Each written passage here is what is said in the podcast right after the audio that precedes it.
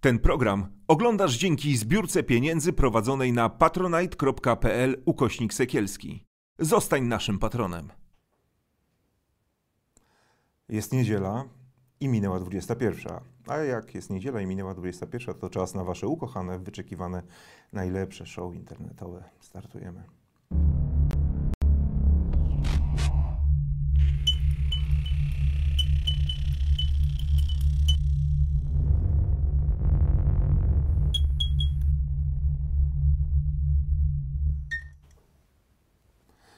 Daliście w szyję przy długim weekendzie? Ja nie na przykład. Ale jeśli ktoś chciał, to miał dużo czasu. Bo nie jesteś młodą kobietą. E, Ale wiesz, no, mężczyzna może bezkarnie. Witold Jurasz, e, publicysta Onetu, e, Renata Grochal, e, dziennikarka dobry. Newsweeka. Dzień dobry. Też nie dałam szyję. Naprawdę? Miałam, dużo pracy miałam. A też Ale nie? może prezes dał. No ja przyznałem się, że głowa mnie boli, więc w zasadzie Czyli jednak, jednak. czyli jednak Witek, Ale ja, już, ale ja mam już dwójkę dzieci i nie planuję dalej może do tego. No ale żeby wyrobić normę, to powinieneś mieć trójkę przynajmniej, bo to wiesz, żeby przyrost był naturalny. A, Bo dwójka to jest tylko wyrównanie. no to prawda. To trzecie to za prezesa Kaczyńskiego. No dobrze. E, słuchajcie, będziemy sobie mówić pewnie jeszcze troszkę o, nawet nie wiem jak to określić, e, różnych dziwnych wystąpieniach Jarosława Kaczyńskiego mm, o 12-letnich lesbijkach. Nie wiem, słyszeliście, tak? No cudownie. Nie? Jest, jest w ogóle fajnym facetem e, i cudownym. Natomiast e, ja bym chciał, żebyśmy zaczęli od tematu, który e, być może brzmi niepozornie, ale może mieć wielkie konsekwencje polityczne, także jeśli chodzi o naszą pozycję międzynarodową, czyli Zbigniew Ziobro w rządzie. Renato, ty jako znawczyni e, ziobrolożka, można nawet po, Dobroszka. można powiedzieć, e, czy według ciebie e, rzeczywiście jest prawdopodobne, że Jarosław Kaczyński, aby uzyskać pieniądze z KPO, czyli aby pójść na ustępstwa wobec Unii Europejskiej, będzie musiał pożegnać się z Ziobrą? Kaczyński jest dzisiaj w takim klinczu. Z jednej strony potrzebuje tych pieniędzy z Unii Europejskiej, żeby się odbić w sondażach, żeby e, sytuacja gospodarcza Polski się poprawiła, żebyśmy mieli lepsze ratingi międzynarodowe, żeby rentowność e, polskich obligacji e, była niższa. A z drugiej strony, i po co są mu te pieniądze z Unii potrzebne, a z drugiej strony nie będzie miał tych pieniędzy z Unii z Ziobrą na pokładzie, dlatego że Ziobro blokuje wszystkie e, łagodniejsze wersje e, zmian w sądownictwie, upiera się, żeby iść na ostro. E, A z trzeciej strony, bez Ziobry właściwie Kaczyński i jego obóz może stracić władzę. E, Nie tylko e, teraz e, do wyborów, bo rząd mniejszościowy to jest rząd, którym się trudno rządzi, ale też tak naprawdę, no, jeśli Ziobro by wystartował samodzielnie i zrobił listę z częścią narodową Konfederacji, to Kaczyński może stracić, e, sam, znaczy właściwie już nie będzie miał szansy na samodzielną większość e, w parlamencie po wyborach, a to mu grozi dekompozycją całego obozu Zjednoczonej Prawicy i w ogóle samego PiSu. Dlatego, że e, dzisiaj co spaja Antoniego Macierewicza, mm, y, Brudzińskiego i Morawieckiego w jednym obozie. To, była, y, to był Jarosław Kaczyński przede wszystkim, później katastrofa smoleńska. Historia smoleńska się totalnie już wypaliła. Kaczyński, jaki jest, to widzimy, jak jeździ i wygłasza te kolejne wykwity intelektu. I właściwie y, ja nie widzę dzisiaj dobrego wyjścia dla Kaczyńskiego, bo rzeczywiście, jeśli chce uzyskać pieniądze z Unii Europejskiej, to jedynym rozwiązaniem jest zrzucenie z sań Zbigniewa Ziobry, y, bo on y, będzie przez cały czas to blokował, będzie sypał y, piach w szprychy, chyba że Kaczyński dogada się z opozycją. Bo takiego scenariusza też nie wykluczam, że y, będzie chciał jakoś złagodzić y, ustawę kagańcową, przywrócić y, być może jakimiś ustawami mm, jakieś sensowne y, karanie dyscyplinarne sędziów, czy stworzenie systemu dyscyplinarnego, bo to, co dzisiaj jest ta Izba Odpowiedzialności Zawodowej, to myślę, że też nie jest do zaakceptowania i nie jest jako y, zaliczenie kamieni milowych y, poczytywana przez komisję. No i tutaj, jeśli opozycja pomoże PiSowi, to możemy rzeczywiście te pieniądze uzyskać. Pytanie, czy opozycja, czy bo tak wygląda, że Donald Tusk mówi ok, to odwołajmy tak, Ziobrę. E, Jest ważny cookies w tym wszystkim, w tej całej układance. Jak No, jest- opozycja na pewno będzie chciała, y, y, opozycja zapowiada złożenie wniosku pytanie o wotum nie, wiesz, nieufności. wiesz, pytanie, czy nie, nie, nie będzie tak, że Jarosław Kaczyński e, wypuści opozycję, a sam nie będzie chciał sobie wcale, wiesz, ubrudzić rączek odwoływaniem Ja myślę, że. Kaczyński obroni Ziobrę, że y, to wotum, y, które opozycja złoży, zostanie odrzucone. Tylko, że y, to właściwie o niczym nie świadczy, bo Beata Szydło też została obroniona podczas głosowania nad wnioskiem o wotum nieufności, po czym wieczorem wręczono jej kwiaty i podziękowano za piękną pracę w rządzie i funkcję premiera. Więc tutaj myślę, że bardziej decyduje kalkulacja Kaczyńskiego na wybory i na to, co się może wydarzyć po wyborach, niż on się przejmuje tak naprawdę pieniędzmi z Unii. Y, Dlatego, że dla Kaczyńskiego jest najważniejsza partia. Państwo i rządzenie w państwie to jest kwestia drugorzędna, bo władzę się miewa, a partię się ma.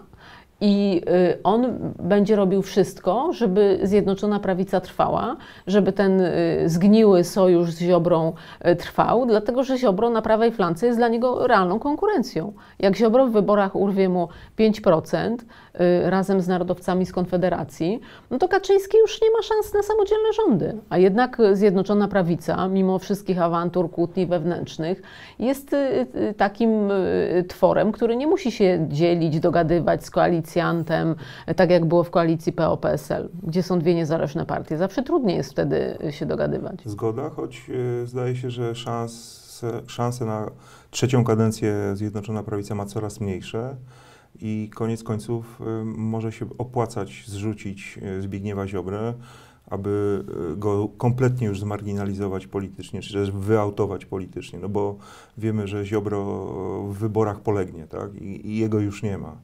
E, Kaczyński liczy się z tym, że będzie w opozycji, spółki Skarbu Państwa, wszystko to, co teraz funkcjonuje, ta cała machina dojenia e, systemowego instytucji i spółek Skarbu Państwa. No i Kaczyński się szykuje właśnie na powiedzmy 4 lata w opozycji, n- a przy okazji jeszcze załatwi Zbigniewa Ziobrę. Tak sobie myślę, że to też jest możliwe. Słuchaj, to jest możliwy wariant, tylko że no bo gdyby Kaczyński rzeczywiście chciał y, Ziobrę dzisiaj y, wyrzucić z rządu, to musiałby y, dokonać naprawdę y, dużego zwrotu. W całej retoryce, bo jak się słucha tych jego przemówień wygłaszanych podczas podróży, to on jest bardzo antyunijny i on właściwie mówi językiem Ziobry. Ziobro tą swoją y, niechęcią do Unii Europejskiej, y, tą, y, tym eurosceptycyzmem zaraził Kaczyńskiego. Kaczyński wziął w tym całym sporze z Brukselą stronę Ziobry, a nie stronę Morawieckiego, który przecież był przez ostatnie lata jego pupilem. I tutaj trudno mi sobie wyobrazić, Kaczyński na pewno jest wojownikiem. I on do ostatniej chwili, do komunikatu Komisji Wyborczej będzie walczył o władzę. Myślę też, że powstrzymuje go przed y, wywaleniem Ziobry z rządu, to że Ziobro jednak zebrał pokaźny arsenał haków i w kampanii wyborczej na A, rok przed właśnie. wyborami, y, jeśli on zostanie wyrzucony z rządu, to się zacznie już po prostu wojna y, w rodzinie y, na całego. I, I to nie będzie, bo dzisiaj afery obozu Prawa i Sprawiedliwości ujawniają głównie media liberalne.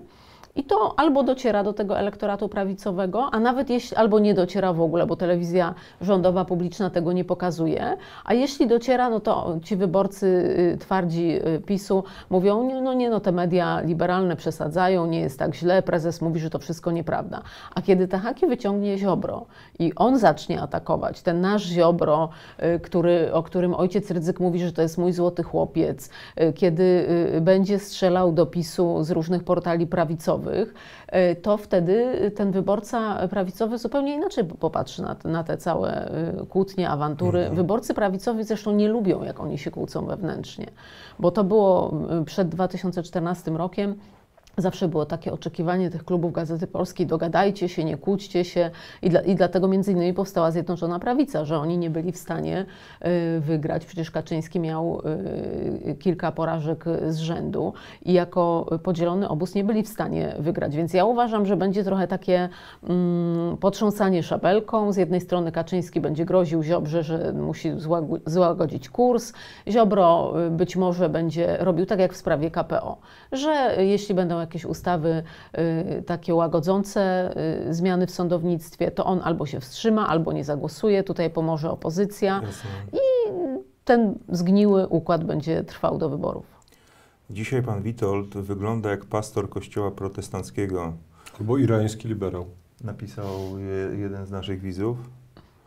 E, Co ty na to?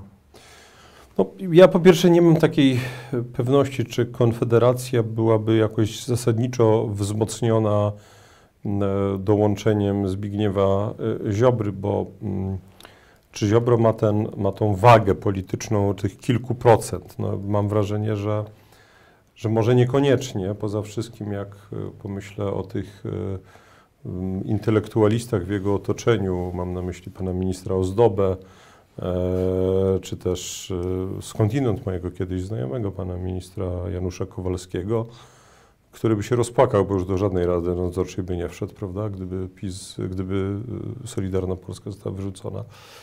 E, To, czy to są ludzie, którzy są w stanie porwać ten skrajnie prawicowy elektorat, no to mam wątpliwości. Natomiast mnie martwi inna rzecz. Martwi mnie to, że e, i tu pełna zgoda, zgoda z panią Renatą, że ta narracja antyunijna, ona dzisiaj stała się powszechna. To już nie jest tylko Ziobro, to już nie jest y, mój ulubieniec Janusz Kowalski. To niestety jest y, bardzo często y, na przykład tygodnik do rzeczy. Sieci nie, sieci to jest bardziej powiedzmy bardziej pi- pisowski mainstream, do rzeczy to jest bardziej prawicowo, takie powiedziałbym integrystyczne pismo. No tam regularnie redaktor naczelny w zasadzie wprost mówi, że należałoby już się z tą Unią pożegnać. To jest znaczna część intelektualistów, i tutaj już mówię bez kpiny, e, prawicowych, którzy, którym się wydaje, że Polska e, jest takim krajem, który może być równocześnie antyrosyjski i antyzachodni. No nie może. Wszystko w koło nam mówi, że nie może. E, Natomiast kluczowe pytanie, czy Ziobro poza PiSem jest wzmocnieniem Konfederacji i wreszcie, czy on byłby w stanie się dogadać z Konfederacją? E, Ja mam wrażenie, że Zbigniew Ziobro jest jednak, e, nie wiem czy pamiętacie, pierwszy Ziobro tych, tych rządów PiSu, 2005 Dokładnie. To kiedy PiS objął ponownie rządy w 2015, to miało się taki przez moment wrażenie, że on politycznie dojrzał, tak? że już nie ma tych jego konferencji prasowych, takich jak w tej pierwszej kadencji PiSu. E, No nie, no, Zbigniew Ziobro jest tym samym człowiekiem, którym zawsze był. Tak? E, Nic się tak naprawdę nie zmienił. Czy on jest, czy, czy, czy on jest zdolny do dogadania się z Konfederacją? Bo jeżeli sam wystartuje, no to jest politycznie skończone. Ale Konfederacja nie jest jednolitym tworem. Konfederacja jest No dzisiaj bardzo wiesz. skłócona. Mhm. Wojna w Ukrainie spowodowała, że oni się y, rozłamali na takie dwa, dwie podgrupy. Tylko pytanie, czy oni w ogóle mają jakiekolwiek znaczenie polityczne dzisiaj? Oni mają y, posłów w parlamencie. Mają, no jeszcze posłów, tak. Tak, Tylko pytanie, oni czy mają y, grupę y, fanów y, bardzo młodych w internecie, dlatego że oni są bardzo silni w internecie. Tak. I tutaj obe, obecność Ziobry i y, ulubieńca, tutaj redaktora, y, mojego interlokutora szanownego y, Janusza Kowalskiego na Marszu Niepodległości pokazuje, że oni walczą o ten elektorat. Czy ja myślę, że w ogóle te sondaże dzisiaj, które są robione dla Solidarnej Polski, które dają jej 0,7%, one nie są miarodajne. Bo Ziobro jest przez tych wyborców prawicowych postrzegany jako część obozu Zjednoczonej Prawicy. I nie ma mm, takiej potrzeby, żeby on y, był y, oceniany przez y, respondentów oddzielnie. Natomiast gdyby rzeczywiście został wyrzucony z PiSu, To dopiero wtedy sondaże by pokazały tak, jego wtedy siłę. dopiero Okej. sondaże by były miarodajne. Jakby zaczął się dogadywać właśnie z Winnickim, z Bosakiem. Ja wiem, tylko pamiętamy y, wyczyny pana Zbyszka, kiedy próbował się uniezależnić od PiSu i, i zakończyło się to przyjściem na kolanach w dość upokarzającej atmosferze, jeszcze zdradzony przez Jacka Kurskiego na ostatniej prostej, kopnięty w tyłek właściwie. I pożegnany publicznie. pamiętnym zdaniem y, o tym, że y, był y, trzęsącą się galaretą, której trzeba było zmieniać pampersy. No właśnie. Ale myślę, że jednak ten Zbigniew Ziobro, trochę wbrew temu, co mówi redaktor, trochę dojrzał. On przede wszystkim jest dużo bardziej sprytny, zalegalizował wszystkie metody, które y, za pierwszego PiSu poczytywano mu za złamanie prawa, dlatego między innymi nie występuje na tych konferencjach y, y, co chwilę i bo, żeby nie powiedzieć, nie popłynąć za bardzo, bo Zbigniew Ziobro lubi sobie popłynąć, podobnie jak prezes. Zresztą jego bardzo dużo łączy z prezesem, tak uważam, jeśli chodzi o metodę uprawiania polityki, dlatego dla prezesa jest coraz groźniejszym rywalem. I on on po prostu kalkuluje. To nie jest facet, który ma jakiekolwiek wartości. Przecież on nigdy nie był tak y, bardzo antyunijny. Można powiedzieć, że on był gdzieś tam w centrum PiSu, jak PiS powstawało, a dzisiaj to jest polityk, y, który y, ma na swoim pokładzie człowieka pokroju Janusza Kowalskiego, który mówi, że w 2027 roku powinniśmy przeprowadzić referendum dotyczące wyjścia Polski z Unii Europejskiej. No jeszcze An, zapominamy o An, Annie Marii Sierkowskiej. Właśnie, Anna Maria Sierkowska, też- która zresztą przyszła z Konfederacji, ona jest takim łącznikiem y, z y, Konfederacją. Y, Ta Solidarna Polska to jest taka grupa cyników, którzy po prostu chcą mieć władzę, chcą budować własną pozycję, nie zważając na to, że dzisiaj, tak jak powiedział redaktor, nie ma dla Polski jakiejś strefy takiej, w której ona mogłaby być między Rosją i Zachodem. Albo będziemy na Zachodzie, albo będziemy w, strefie wpływów Rosji. I te pieniądze z KPO, y, które dzisiaj y, w sytuacji Polski mogłyby naprawdę y, dużo pomóc, no to jest polska racja stanu, żeby te pieniądze dostać. Tylko niestety ja mam takie wrażenie, że ten obóz Prawa i Sprawiedliwości w drugiej kadencji to już jest wyłącznie myślenie y, o polityce krajowej i o tym, jak zachować y, władzę, jak się nachapać, jak y, rozdzielić między swoich jak najwięcej środków publicznych. I tutaj już nikt nie myśli o tym, że trzeba coś zrobić dla Polski, dla, nie wiem, przyszłych pokoleń, dlatego żeby inwestorzy tutaj chcieli jakieś swoje pieniądze zostawiać. E, Wiesz co, bo tak e, e, Witku wspominasz posła Kowalskiego i ujawniasz informację nam, że e, to jest jakiś twój dobry były znajomy. Trochę to zaskakująca dla mnie, Też dla, dziwię. Re- Też dla sam- Renaty informacja. E, Czy możesz powiedzieć coś więcej? Skąd twoja wielka znajomość z posłem Ona Kowalskim jest- Januszem? To znaczy, sam się, sam, sam się dziwię, szczerze powiedziawszy, no ale dobrze, to skoro pytasz. Ja Janusza Kowalskiego poznałem e, no już 7 czy 8 lat temu e, w spółce Bineis. E, Spółka Bineis e, była spółką, to skrót od Business Information and Analysis. E, Była to spółka założona przez e, Grzegorza Małeckiego, byłego szefa agencji wywiadu. No tam generalnie w Radzie Nadzorczej i w zarządzie nie było nikogo poniżej pułkownika. I był Janusz Kowalski, który nie wiem skąd się tam wziął. Ja wiem skąd ja się tam wziąłem, ale nie byłem we władzach tej spółki. Po prostu jeden z moich byłych szefów e, e, pracował w tej spółce i, i mnie wciągnął do e, współpracy. Skąd się tam wziął Janusz Kowalski, tego nie wiem, A ale jakie rzeczywiście no był, w, był w zarządzie. Rzeczywiście byłem dość, dość, dość zaskoczony. No, A skąd jest jego taka bliska znajomość? Bo jak rozumiem, dużo ludzi ze służby było tam. Znaczy tam byli wyłącznie ludzie ze służb lub też powiązani ze służbami. No ja pracowałem za wschodnią granicą, dyplomacji. e, więc byłem dyplomatą, to pokrewna, że tak powiem, działalność. E, Poza wszystkim no, mój szef e, po linii dyplomatycznej wykonywał również inną pracę, co nie jest żadną tajemnicą, bo w Polsce nic nie jest tajemnicą. Nie, nie, umiem odpowiedzieć, skąd się, skąd się tam wziął Janusz Kowalski, ale muszę powiedzieć, pamiętam go jako człowieka bardzo pragmatycznego i takiego, powiedziałbym, w duchu podobnego do tych dżentelmenów z dwu- i trzyliterowych organizacji, ale podkreślam w duchu. A, a co znaczy pragmatycznego? No takiego bardzo, do, że tak powiem, chodzącego po ziemi. No, to była firma komercyjna, która miała zarabiać pieniądze i nie, nie miałem wrażenia jakiegoś, jakiejś szczególnej, że tak powiem, odjazdu ideowego. Zresztą pamiętam, że jeżeli mówię o moim byłym szefie, to mój były szef był of, oficerem e, agencji wywiadu, a wcześniej e, oficerem służby bezpieczeństwa i e, tam w ogóle było bardzo dużo ludzi ze służb PRL, więc też jakoś nie pamiętam. Obrzydzenia Janusza Kowalskiego. Nie, nie pamiętam. Hmm. Ale Janusz Kowalski chyba nie jest specjalnie ideowym e, człowiekiem, biorąc No pod nie, no uwagę, prezentuje że... się jako bardzo ideowy człowiek. Biorąc pod uwagę, że No, przesiadł się tak, z no. Platformy Obywatelskiej no e, tak, do bo PiSu, przecież- później do Solidarnej Polski, to jednak e, myślę, że zaliczył tyle tych partii. Zresztą on uchodzi wśród osób, z którymi ja rozmawiałam, pisząc teksty dotyczące Mhm. obrotu ziemią na Opolszczyźnie.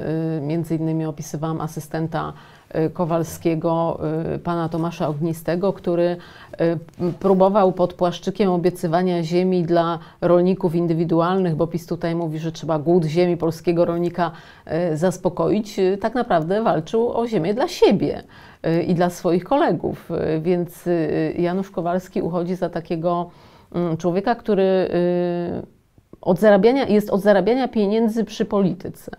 E, Więc może. Znaczy nie, no to jest, słuchajcie, no to powiedzmy wprost, Janusz Kowalski kiedyś chyba Okopres y, zrobił taką listę posłów na Sejm, którzy najwięcej zarobili w, ró- w tak, różnych tak, on, on rodzajach jest rodach. jednym z tych milionerów. On jest, on jest absolutnym rekordzistą, o ile dobrze pamiętam, bo on był w radach nadzorczych na pewno Polskiej Wytwórni Papierów Wartościowych. e, Tak, on był w PGNiG. też, Był w? PGNiG-u y, i, i chyba albo w Orlenie, albo jeszcze w którejś spółce, już nie pamiętam, prawdę powiedziawszy, ale w każdym razie zaliczył tych spółek całkiem sporo.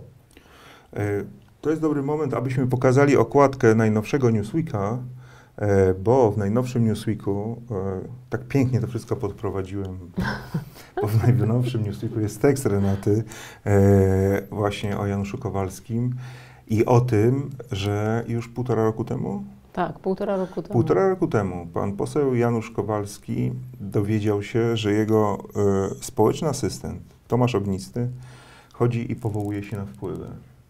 E, no i wygląda na to, że niewiele z tym zrobił e, i czekał, czekał, aż Renata napisze swoje pierwsze teksty i dopiero wówczas e, tam nastąpiło pożegnanie.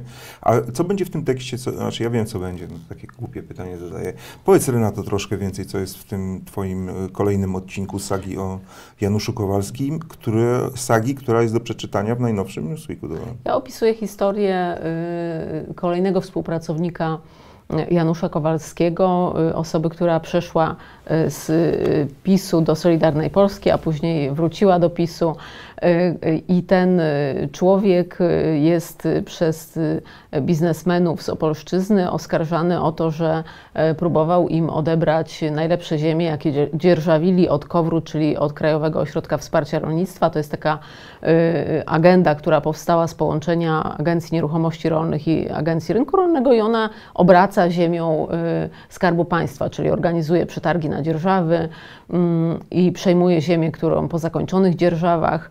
Y, I y, w lutym 2021 roku do Janusza Kowalskiego, wówczas wiceministra aktywów państwowych, przyszedł Marcin Roszkowski. Syn profesora Ryszkowskiego. Syn profesora Roszkowskiego od podręcznika do hitu, ale też y, dawny były bliski współpracownik prezydenta Lecha Kaczyńskiego, prezes y, takiego konserwatywnego think tanku Instytutu y, Jagiellońskiego i on go poinformował, że jego znajomi biznesmeni mówią właśnie, że przychodzą siepacze z Kowru i chcą odebrać mu ziemię i właśnie tam były jakieś oskarżenia o to, że ta ziemia ma pójść do znajomych tego właśnie kolejnego współpracownika y, Kowalskiego, który oprócz tego, że był radnym w Opolu i politykiem Solidarnej Polski, to też był tam kierownikiem takiego wydziału do spraw y, zasobów, czyli zajmował się organizowaniem tych przetargów. I y, ja opisuję tę historię po to, żeby pokazać, że wbrew temu, co Kowalski twierdzi, bo jak napisałam pierwsze teksty o Ognistym, ujawniliśmy wtedy taśmy, na których on mówi, obiecuje swoim znajomym y, rolnikom, że y, jak znajdą kapitał, to mogą przejąć 10 tysięcy hektarów po y, spółce Top Farms na Opolszczyźnie i mówi, że może to w Warszawie załatwić, ale że nie będzie jeździł za obcinacz do paznokci, więc sugeruje, żeby jakieś pieniądze mu y, odpalili. Janusz Kowalski przez cały czas, y, on tuż po, tuż po publikacji y, tego asystenta społecznego zwolnił, zawiadomił ABW i CBA, żeby objęli kontrolą dzierżawę, proces przekazywania dzierżawy tej ziemi przez Top Farms do Skarbu Państwa i twierdził, że on z tą historią nie ma nic wspólnego, że właściwie nic o tym nie wiedział, że ten Ognisty już przestał być jego asystentem. Tymczasem pokazujemy, że już półtora roku temu przyszedł do niego jego zresztą kolega dobry, bo Marcin Roszkowski zna go z czasów studenckich, kiedy on w Opolu takie stowarzyszenie Stop Korupcji zakładał i walczył wtedy z Czerwonym Układem, z Leszkiem Poganem, ówczesnym prezydentem Opola, później wojewodą opolskim, zamieszanym właśnie w jakieś korupcyjne interesy. I dzisiaj wszyscy moi rozmówcy z Opolszczyzny mówią, że ten układ, z którym walczył Kowalski wówczas, odrodził się teraz w PiSie i, i w Solidarnej Polsce, pod jego patronatem dokładnie. Cudownie, cudownie, prawda? Czy dopóki Polska jest y, państwem, w którym chcemy mieć tanią demokrację, no to tak będzie, bo y, przepraszam, to tak troszeczkę będzie, może mała dygresja, ale mało kto w Polsce zdaje sobie sprawę, że posłowie na Sejm nie mają pokoi do pracy. Czy poseł na Sejm, jeżeli jest w Sejmie i chce usiąść, popracować nad dokumentami, to nie ma takiego miejsca, tak? To szefowie komisji mają pokoje, więc ja pamiętam, jak byłem w Izbie Reprezentantów w Senacie Amerykańskim, gdzie każdy w tych budynkach okalających kongres ma po prostu swój gabinet, do tego jest kilka pokoi, gdzie są jego no tak, asystenci. Okej, okay, no tylko, że no, u nas jest po prostu dziadostwo, u nas, u nas jest oszczędzanie, jeżeli powiedzieć, żeby, że chcemy wydać na państwo więcej, to natychmiast się podnosi krzyk, tak? I zresztą akurat ten krzyk jest ponadpartyjny, tak? To zresztą skutkowało na przykład przez lata niemożnością kupienia, nie wiem, samochodów, Samolotów, tak. ale, ale przede wszystkim samolotów. W końcu się udało je kupić. Szkoda, że wydatki na kupno tych samolotów zostały zaliczone do modernizacji sił zbrojnych, bo jako żywo tymi samolotami się nie zabija żołnierzy przeciwnika, tylko w naszej tradycji samych siebie. Ale to już jest jakby dygresja. No, ja nie jestem tym zdziwiony, tak? Bo na, na, na czym polega sukces wyborczy? No, przyjmijmy Antoniego Macierewicza. No, polega na tym, że on ma tych swoich młodych chłopców, którzy będą biegać i rozlepiać ulotki, tak? I oni są mu wierni, no ale nie dlatego, że są nim zafascynowani, bo takie prawda, czasami się sugestie pojawiały, które mi się Że osobiście Antoni nie podobały. Jako mentor. Nie, on im po prostu zapewnia później przyszłość również finansową, no bo ludzie muszą z czegoś żyć, tak? W związku z tym albo na tą politykę wyłożymy porządne pieniądze, czyli na Sejm zwiększymy wydatki dwukrotnie na inne instytucje również, albo będziemy mieli wieczne kombinowanie, tylko że raz będą kombinować jedni, raz drudzy. No ci, którzy kombinują obecnie, różnią się od tych, którzy kombinowali kiedyś, że już stracili wszelkie hamulce, tak? O i widzisz, i pan Marek Rosz, Roszkowicz napisał, a pan Janusz wie, co mówi, bo się tego polskiego dziadostwa naoglądał w MSZ-cie. Też. Więc ja bym powiedział, że no to jest strasznie smutne, tylko mm, znaczy w zasadzie jakby w naszym dziennikarskim interesie jest, żeby to dziadostwo trwało. Będziemy to opisywać po prostu, aż na emerytury przychodzimy. Y, Wiesz, trochę się nie zgodzę, dlatego że ym, widziały gały, co brały. To jest tak, oni dostają pieniądze na biura, y, mają y, obowiązek też partie polityczne przekazywać y, y, część subwencji na prace eksperckie. Też z wielkim bólem y, zostało to uchwalone. I y, ja myślę, że u nas nie ma takiej kultury pracy dla państwa, że jak ktoś przychodzi y, pracować dla państwa, to są zwykle y, ludzie bez dorobku zawodowego, mm, to oni przychodzą po to, żeby się nachapać. No, otóż na posadzie państwowej, a myślę, że praca posła czy asystenta posła to jest dokładnie posada państwowa, trudno zarobić jakieś duże pieniądze. Do, do tego zawodu powinni przychodzić ludzie z doświadczeniem, z dorobkiem zawodowym, y, którzy już te, tych pieniędzy się gdzie indziej dorobili. No tak, ale nie będą przychodzić, dlatego że wiemy, co się dzieje z nimi, kiedy, kiedy przyjdą. Wiemy, że to jest zazwyczaj koniec e, karier. Też było kiedyś takie badanie zrobione, jak żyją byli posłowie i w większości to są dramatyczne historie. Ja mogę powiedzieć jako były urzędnik, że na przykład znalezienie pracy, jakiejkolwiek, jak się jest byłym urzędnikiem, jest nieprawdopodobnie trudne, dlatego że rynek zakłada, że były urzędnik nie potrafi nic. Inna sprawa, że często jest to prawda. E, Natomiast e, te w Stanach Zjednoczonych, na Zachodzie, to powiedziałbym, to przechodzenie z jednej rzeczywistości do drugiej jest dużo prostsze, tak? E, I nie ma też tej złej socjalizacji, to znaczy, bo często urzędnicy to są mądrzy ludzie, tylko że po latach takiej socjalizacji polegającej na tym, że nie należy mieć żadnej inicjatywy, no to ci ludzie są po prostu już tak wykastrowani, że oni się rzeczywiście do biznesu nie nadają. Ale zgadzam się, że y, osoby, które y, są w rządzie, czy szczególnie na tych stanowiskach merytorycznych, powinny więcej zarabiać. no nie, no bo- przecież to jest sprawa wiceministrów. No właśnie, No wiceministrowie, dyrektorzy departamentów, no oni naprawdę zarabiają y, pieniądze śmieszne i na rynku y, osoby z takimi kompetencjami na pewno zarobią Oczywiście. dwu, trzykrotnie więcej. Więc to jest Nie prawda. przesadzajmy z kompetencjami wiceministrów, bo wiceministrem jest też Kowalski i to wiceministrem rolnictwa, a nie potrafi nawet odróżnić rodzajów zbóż. Więc Ale wiesz, ale on tam wszedł z o tym- rozdzielnika trudno, y, trudno powiedzieć, że on prawda? na rynku rolnym gdzieś tam szeroko rozumiany. Minister Wąsik mógłby zostać wiceministrem rolnictwa, on tam pokazywał kiedyś ogon, nie? E, Pani Ewa e, napisała, pani Renata super. I pan Marek od razu do pani Renaty, redaktor, e, ma pytanie, kto z nich przychodząc do polityki idzie tam pracować dla Polski? No ja wierzę, że ktoś jednak y, y, przychodzi pracować dla Polski, ale może jestem naiwna, przepraszam. E, Jest takie otwarte pytanie, jakie kompetencje ma jaki? Nie, dobra, rzucam, dobra, widzę, że nie macie ochoty o tym rozmawiać. Tak. Znaczy, wydaje mi się, że to jest troszeczkę inny case, dlatego że e, jeżeli ktoś jest wybrany, e, to znaczy ktoś go wybrał, to już jakby no to społeczeństwo wybrało, no to ma. Zupełnie inna sytuacja jest, kiedy mówimy o wiceministrach, dyrektorach, urzędnikach. Tutaj uważam, że te, te wymogi muszą być jednak e, bardziej e, wyśrubowane, natomiast wydaje mi się, że no ja znam uczciwych ludzi e, po każdej ze stron sceny politycznej, aczkolwiek powiedziałbym w ten sposób, że no, ta obecna jest, uległa takiej, jest takie wyrażenie po angielsku, które ci- ciężko jest przetłumaczyć na polski, morally corrupt. Znaczy ta obecna ekipa jest już dzisiaj e, morally corrupt. Y, To prawda, że je- jest jakaś taka y, selekcja negatywna. Ja nawet jak y, pojechałam na, te, na tę Opolszczyznę i tam spotykałam się z działaczami, rozmawiałam o tym, kogo y, przejęła Solidarna Polska z PiSu, no to to jest, y, jak to Kaczyński mówił, naj, najgorszy sort, czy gorszy sort? Gorszy sort. Mam takie wrażenie, że to są ludzie, którzy nie dostali się do żadnej wcześniejszej ekipy i teraz po prostu postanowili się załapać do Solidarnej Polski. Y, I że rzeczywiście, jak tam pojechałam, to byłam zaskoczona, że tacy ludzie starają się wejść do polityki, tacy krętacze i kombinatorzy po prostu.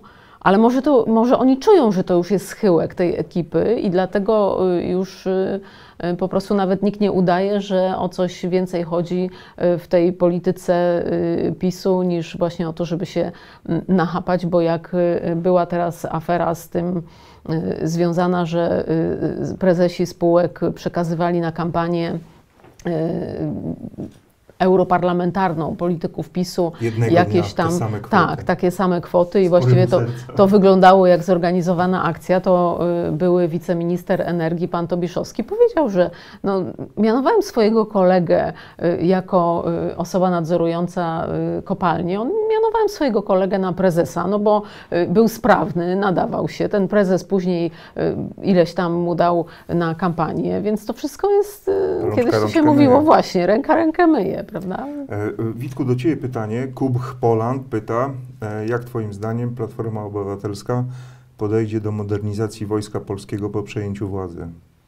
Myślę, że rozsądniej niż e, czasami niektórzy zagończycy Platformy starają się to prezentować. E, mm, Ja w e, swoim podcaście, który prowadzę w ramach Onetu we wtorek gościłem ministra Siemoniaka, Raport byłego ministra mm, E, raport międzynarodowy, e, który na dokładnie tak zadane pytanie e, odpowiedział w sposób, który no jeżeli miałbym w skrócie powtórzyć, to wyglądało tak, że oczywiście przyjrzą się zasadności niektórych wydatków, czy też sposobie procedowania, ale raczej generalnie będą kontynuować, a nie będzie wielkiej rewolucji typu odwoływania kontraktów. Szczególnie, że akurat uważam, że przy wszystkich moich zastrzeżeniach,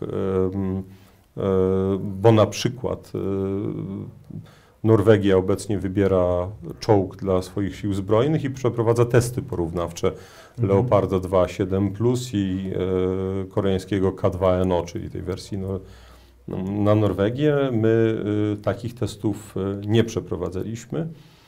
Więc to oczywiście nie jest najlepsze rozwiązanie, natomiast generalnie te zakupy są potrzebne. Mm, e, Więc mam wrażenie, że będzie raczej kontynuacja.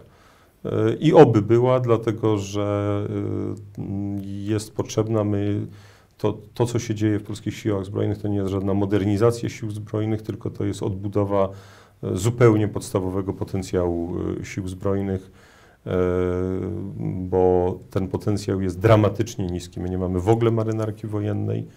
E, W tej chwili nie mamy już żadnego okrętu podwodnego, to znaczy mamy jeden, ale on się nie może zanurzać. Jak się zanurza, to się nie wynurza. E, Jak chodzi o śmigłowce bojowe, to sytuacja jest dramatyczna. No to przecież pan Antoni odwołał.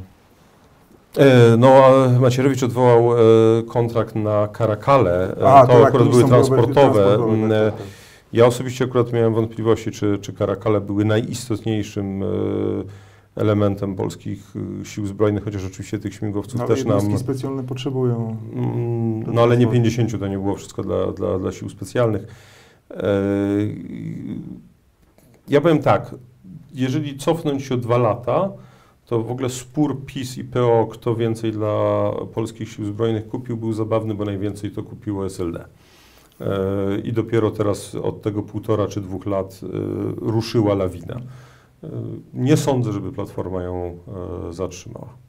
No dobrze, tak jak już tak obroni to y, Ukraina, Hersoń y, odbity. Ty napisałeś taki tekst, powiem ci, on tam się odbił echem, ponieważ ty napisałeś komentarz, który ukazał się kilka dni temu w Onecie, y, w którym stawiasz taką oto tezę, y, sprostuj jak coś bym nadinterpretował, że musimy się zacząć oswajać z myślą, że ta wojna nie zakończy się po prostu wielkim e, sukcesem Ukrainy, która odbije wszystkie terytoria i w ogóle Rosjanie będą uciekać w popłochu, tylko zakończy się przy stole negocjacyjnym jakimś kompromisem.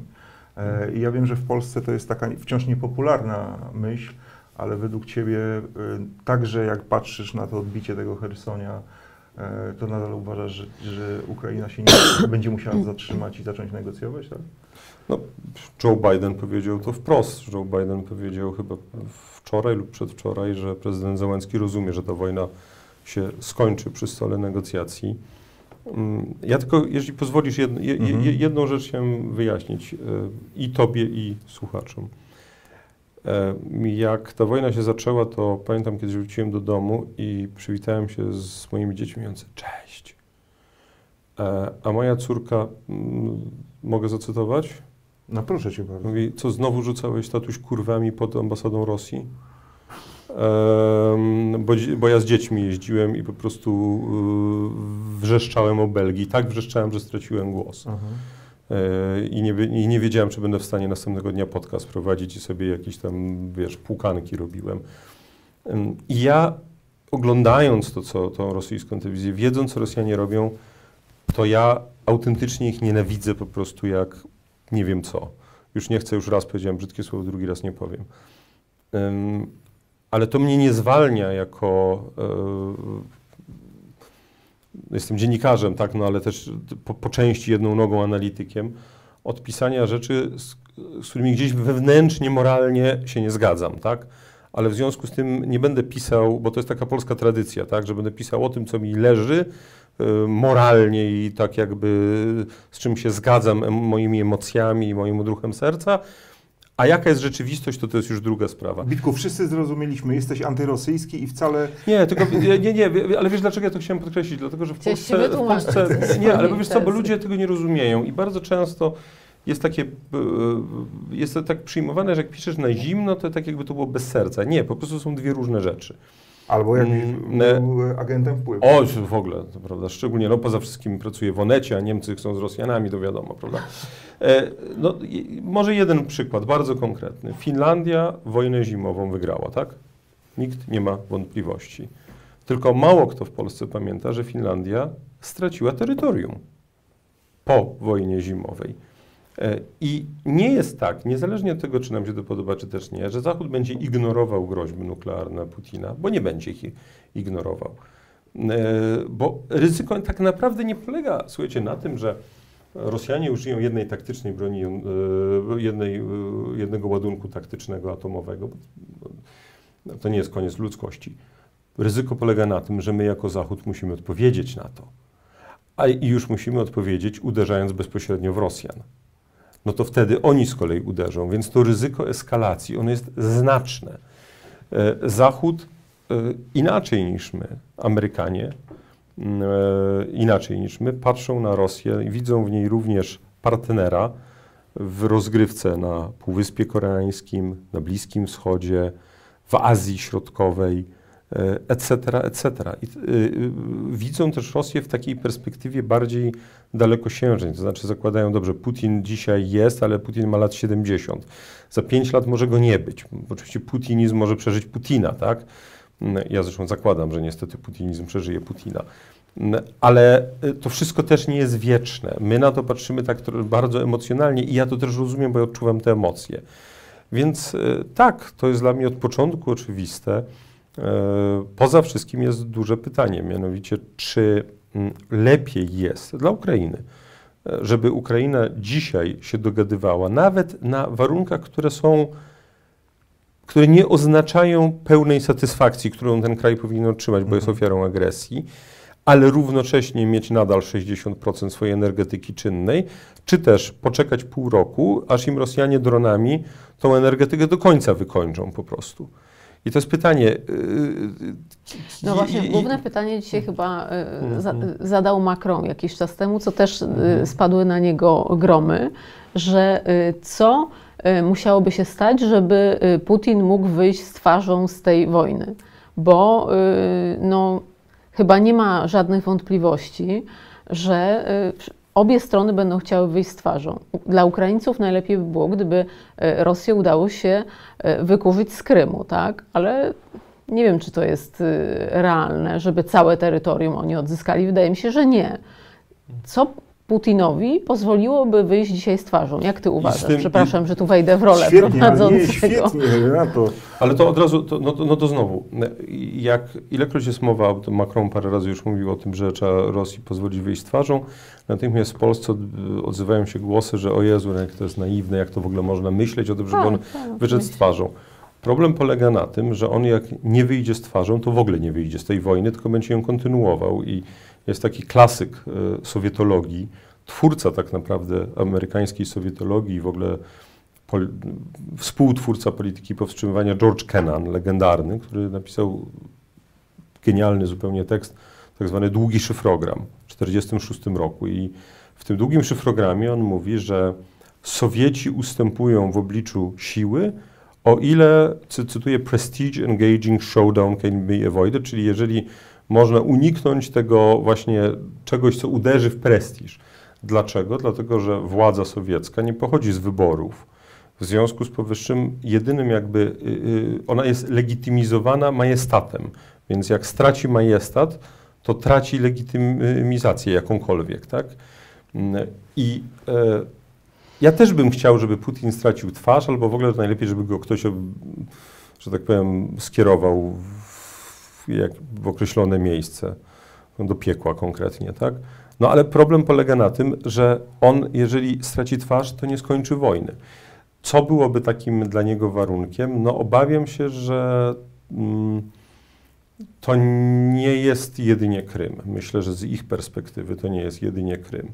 E, pytanie, czy Ukraińcy są w stanie, no bo my jesteśmy trochę tak dzisiaj na takim, prawda, haju, na takiej entuzjazmu, że, no, prawda, Ukraińcy odbijają kolejne terytoria, tak? No ale też pamiętajmy, że oni nie odbijają ich sami. To znaczy, gdyby nie amerykański zwiat satelitarny i rozpoznanie radioelektroniczne, sprzęt. amunicja, sprzęt i tak dalej, no to by tego nie odbili. W związku z tym tak naprawdę to Amerykanie decydują, jak daleko pójdą Ukraińcy. Tak, ale wy, wynik wyborów w Stanach Zjednoczonych jednak daje nadzieję y, Ukrainie na to, że stanowisko y, amerykańskie w sprawie y, tego konfliktu zbrojnego się nie zmieni. Tak, że Nie będzie zmieni. wsparcie, aczkolwiek już widać po wypowiedziach właśnie między innymi Bidena, że jakieś naciski na Zełenskiego muszą się odbywać, tak, żeby ten konflikt zakończyć. Ja nie wiem, nie pokusiłabym się dzisiaj y, powiedzieć, w jakiej perspektywie on się może zakończyć.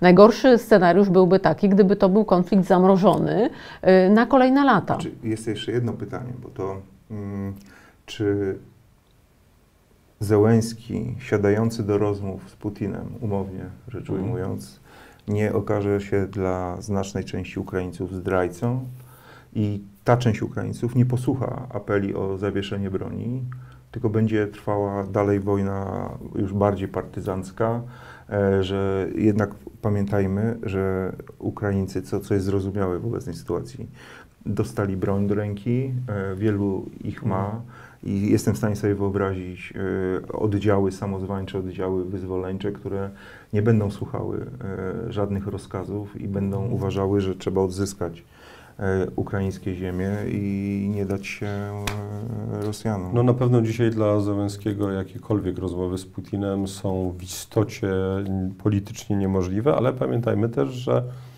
czeka nas zima, tak? I to, ta zima będzie, obawiam się, dla Ukrainy ciężka. Więc też ta dynamika się będzie mm, e, zmieniać. E, Beata Olszówka pyta, Panie Witoldzie, czy Białoruś oficjalnie włączy się w tę wojnę?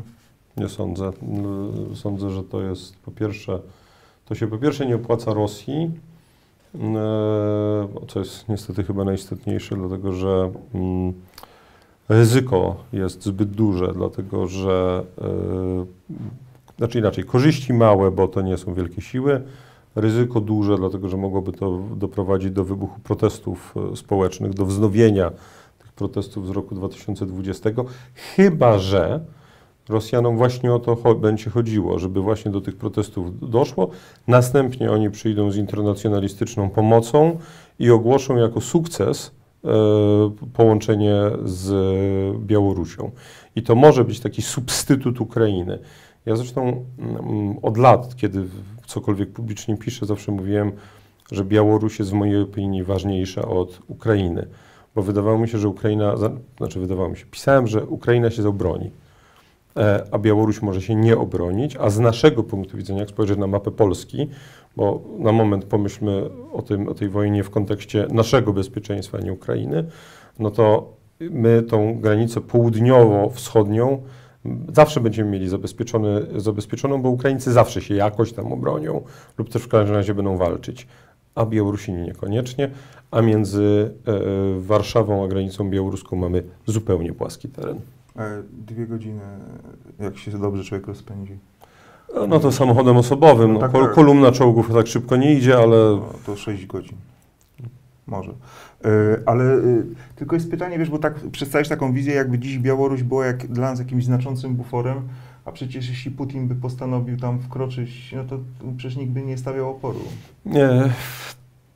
I tak i nie, e, bo e, rzeczywiście, jeżeli, no, jeżeli by doszło do jakiejś dyslokacji potężnej rosyjskiej, to po pierwsze nie dojdzie, bo oni przecież mają potężne straty. No, to, to, to jest 2,5 tysiąca na pewno już zniszczonych czołgów. Przy okazji e, te 2,5 tysiąca to jest z, tego, z tej puli tych najnowocześniejszych. Tak? E, natomiast ja kiedyś pytałem em, generała Skrzypczaka, e, bo mam taki zwyczaj, że jak się na czymś nie znam, to się pytam ludzi, którzy się znają. E, mm, Jaka jest różnica z naszego punktu widzenia, czy Rosjanie są pod Smoleńskiem, czy pod Brześciem, czyli czy 200, czy 800? E, Bo takie były głosy, że a to jest jeden pies, prawda? I on mi powiedział, że nie, to jest dokładnie 6 dni. Bo kolumna czołgów, zanim pokona to terytorium, no teoretycznie czołg jedzie i 70 na godzinę, tak? Ale, ale po przejechaniu 400 km musi się zatrzymać, trzeba zrobić e, przegląd. E, trzeba podciągnąć tyły, trzeba podciągnąć e, zaopatrzenie, paliwa. paliwo i tak dalej. E, A te 5-6 dni to jest dostatecznie, to nie jest dostatecznie dużo, żeby Amerykanie sprzęt pancerny przerzucili przez ocean, ale to jest dostatecznie dużo czasu, żeby, żeby przerzucić to, co mają w Niemczech do Polski, a w Polsce już też sporo mają, żeby przerzucić lotnictwo z kontynentalnych Stanów Zjednoczonych i tak dalej. Więc dla nas to jest fundamentalna różnica jednak, czy ta armia rosyjska jest pod Smoleńskiem, czy pod Brześciem. Słaba puenta, nie? Taka dołująca. Renata. Ten konflikt jest dołujący. Ja się przez cały czas zastanawiam nad realną y, datą zakończenia tego konfliktu i nad, nad tym właśnie, co pozwoliłoby Putinowi wyjść z twarzą. Y, bo y, zgadzam się z Witkiem, że y, przez cały czas trzeba uprawiać dyplomację i że y, konflikty zbrojne y, nie rozstrzygają się tylko na polu bitwy. Y, Natomiast y, jaka ma być skala tych ustępstw? I też y, trochę budzi się we mnie taki opór y, przed takim rozwiązaniem, żeby to Zachód narzucał coś Ukrainie. No Tutaj mm, musi Ukraina podjąć suwerenną decyzję, że chce zakończyć wojnę i na jakich warunkach. Zachód tutaj może być w roli doradczej. No ja bym jeszcze dodał jedną rzecz. No, ja uważam, że Rosja zagrożeniem będzie nie tylko w krótkoterminowej perspektywie, ale i średnio i długo. Jest duże pytanie. E, Skoro średnio i długo, no to być może dzisiaj ważniejsze jest utrzymanie sankcji na Rosję i przyduszanie tej Rosji w długiej perspektywie i średniej, a nie to, czy Ukraina odzyska, jakkolwiek niemoralnie to zabrzmi, co powiem, tysiąc kilometrów kwadratowych więcej lub mniej. I teraz pytanie, czy większe jest prawdopodobieństwo, że sankcje będą utrzymane, jeśli wojna się będzie toczyć, czy też może, jest, może jesteśmy w stanie właśnie zakończyć tą wojnę jako Zachód, ale równocześnie utrzymać sankcje. Żeby nie było takiej sytuacji, bo u nas w Polsce jest założenie, lepiej, żeby była wojna, to wtedy będą sankcje. No tylko problem polega na tym, że możemy się obudzić w sytuacji na przykład za pół roku, w której no nie Węgrzy, bo ci to zawsze sprzedadzą wszystkich na końcu, w przeciwieństwie do Jarosława Kaczyńskiego. E, e, ale Włosi i e, Hiszpanie jako pierwsi, i Francuzi jako drudzy zaczną się wyłamywać. I wraz z nimi zawali się ten system sankcji. Ja nie mam odpowiedzi na to pytanie, ale wydaje mi się, że powinniśmy e, zadawać to pytanie. E, Artur e, pyta panią Renatę, czy przewiduje pani jakieś minimum porozumienia programowego na opozycji? Jak zachowa się pan Hołownia? No proszę, Renato, proszę. Tak, ja myślę, że będzie takie y, minimum programowe.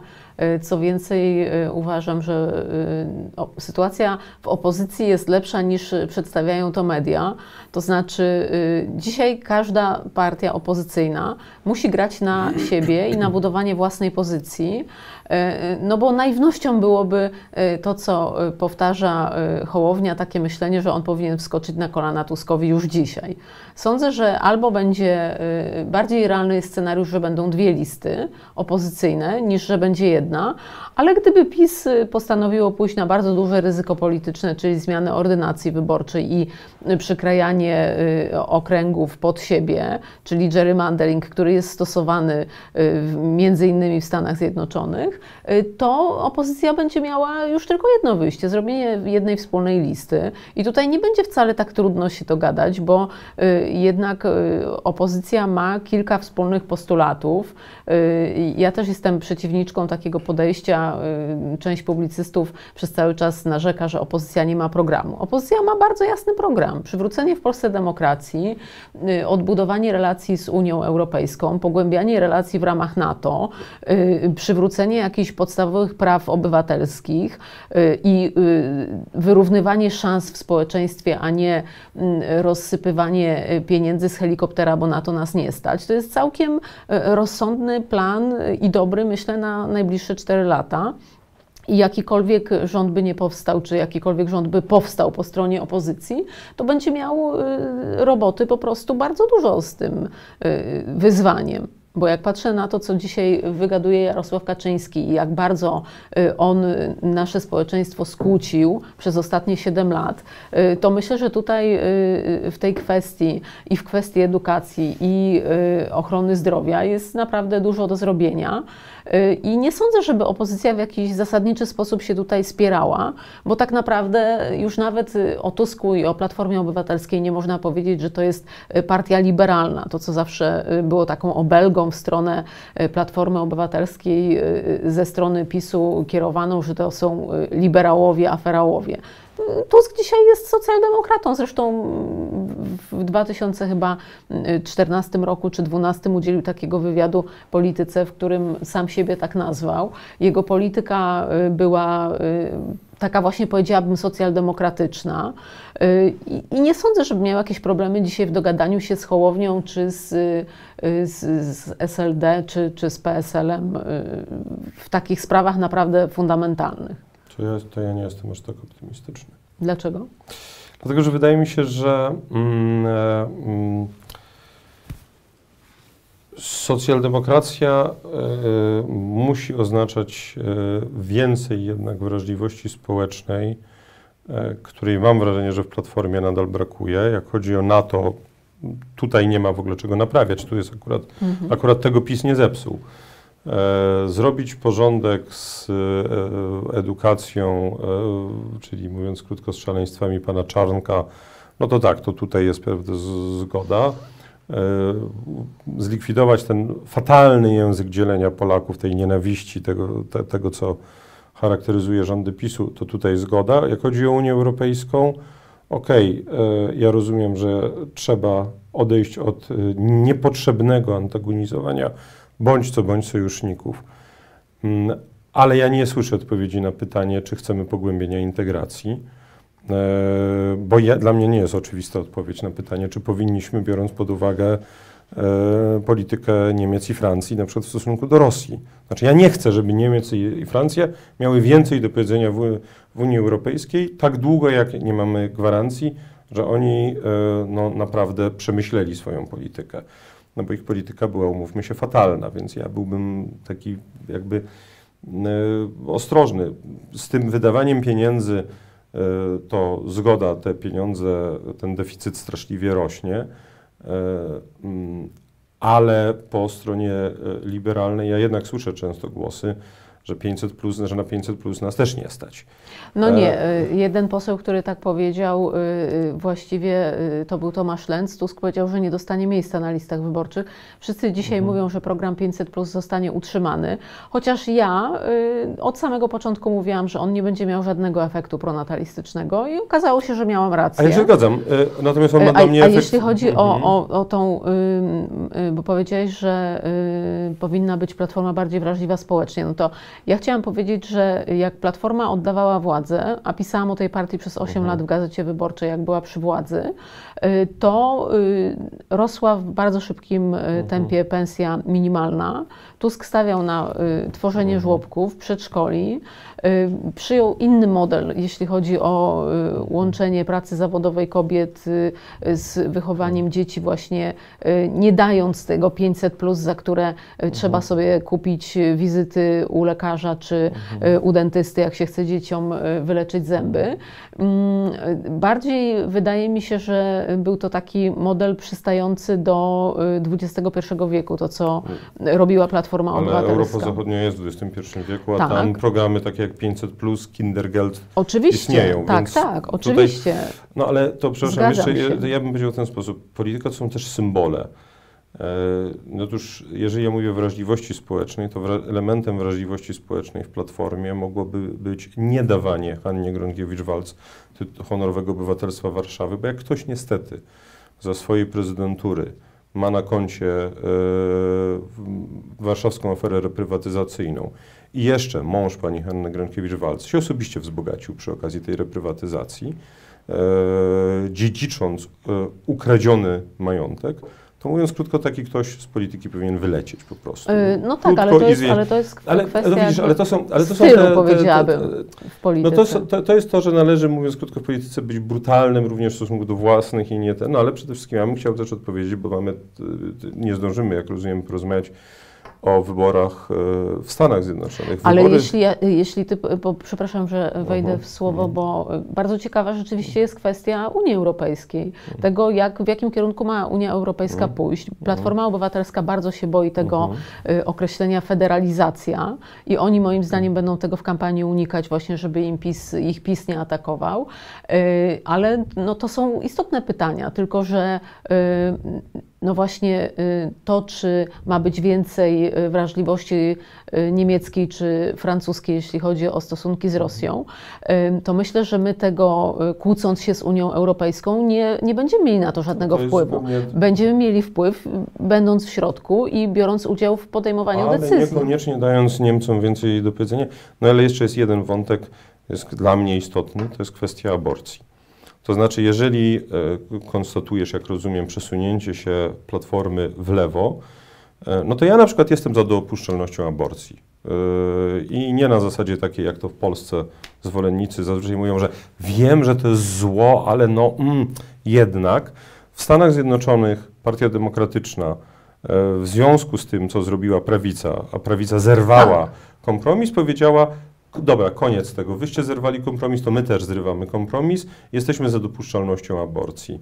Ja bym chciał usłyszeć, czy Platforma jednoznacznie jest za tym, dlatego że dla mnie... Już chyba powiedziała to Platforma, Tusk to powiedział y, kilka razy, że mm, popierają ustawę liberalizującą dostęp do aborcji i to do, do 12 tygodnia na życzenie kobiety. I to ja uważam, że to jest taki europejski standard, który powinien u nas też obowiązywać. Ale nie, ale nie masz wrażenia, że to jest mówione tak cały czas przez opozycję? Półgębkiem? Tak, półgębkiem? Tak, oczywiście mam takie wrażenie. A tak. jak ktoś mówi coś półgębkiem, to ja mu nie do końca ufam.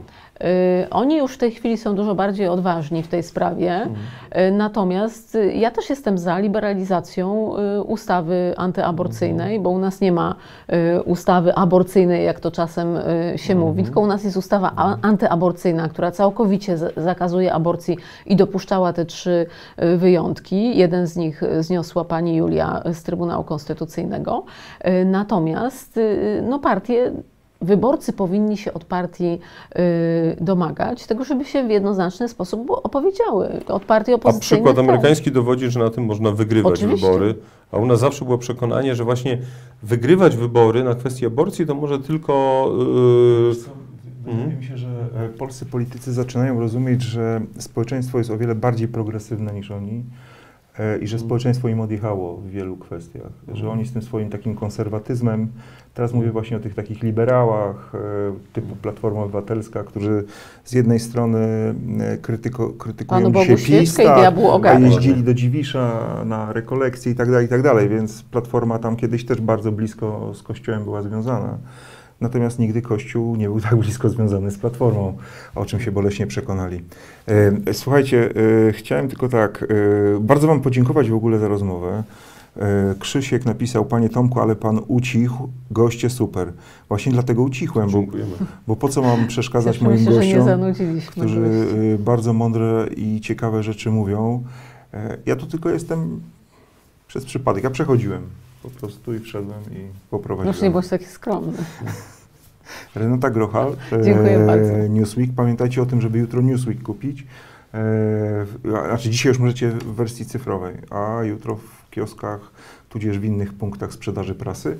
I e, Witold Jurasz, publicysta Onetu oraz autor e, hitowego podcastu Raport Międzynarodowy. E, Renata też jest w podcastach, oczywiście, No też hitowym. Stan wyjątkowy. Stan wyjątkowy. Z Andrzejem Stankiewiczem. Dominiką Długosz, moją szanowną dziennikarką Newsweeka, koleżanką redakcyjną i z Kamilem Dziubką. Tak jest. Więc wszystko to Wam gorąco polecamy, zachęcamy i bardzo Wam dziękuję, że w niedzielny wieczór, mo mogąc wybrać między domem, kanapą. Między dawaniem w szyję, jak mówi prezes. Nie, nie, no, nie w niedzielę, ej, A mi uspokój nawet ból głowy przeszedł tutaj. wiesz? Nie, no to w miłej tak- atmosferze, tak to, to, to, to, dobre, dobre tutaj jakieś fluidy. Bardzo nam było. E, Wielkie dzięki. Do zobaczenia za tydzień. Ten program Oglądałeś dzięki zbiórce pieniędzy prowadzonej na patronite.pl ukośnik sekielski. Zostań naszym patronem.